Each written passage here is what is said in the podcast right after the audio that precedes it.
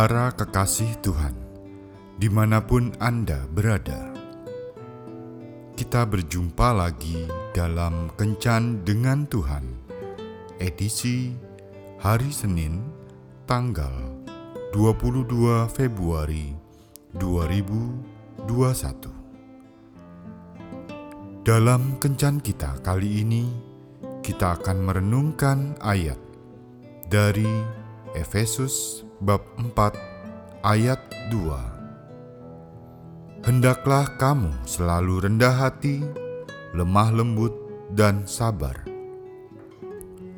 Tunjukkanlah kasihmu dalam hal saling membantu. Bapak, Ibu, dan saudara-saudari terkasih, Olive bekerja di perusahaan pabrik pendistribusian daging.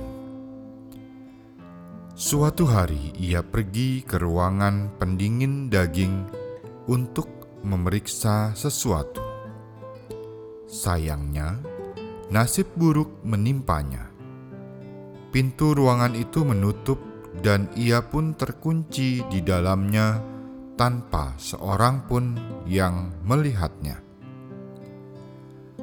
Karena ruangan pendingin daging itu kedap udara, maka yang di luar tidak mungkin mendengar teriakan dari dalam ruangan itu. Lima jam kemudian, saat Olive berada di ambang kematian karena kedinginan, penjaga keamanan pabrik membuka pintu dan menyelamatkan nyawanya.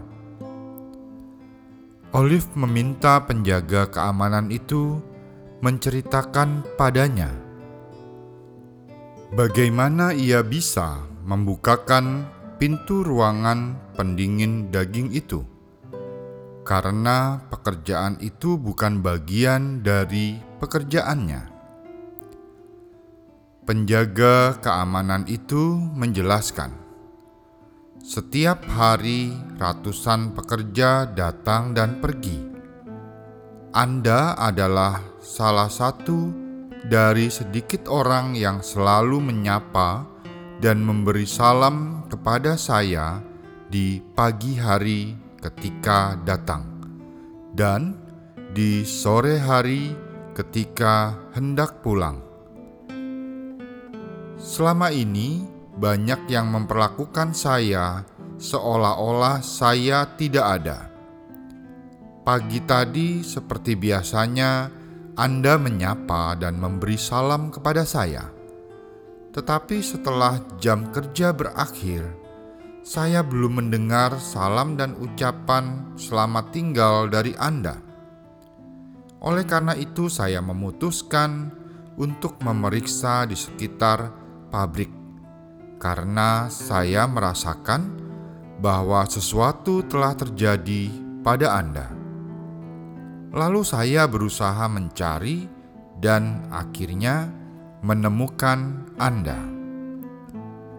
Banyak orang berpikir bahwa untuk menyatakan kasih dan perhatian itu harus dengan cara yang luar biasa atau memberi barang yang mahal harganya.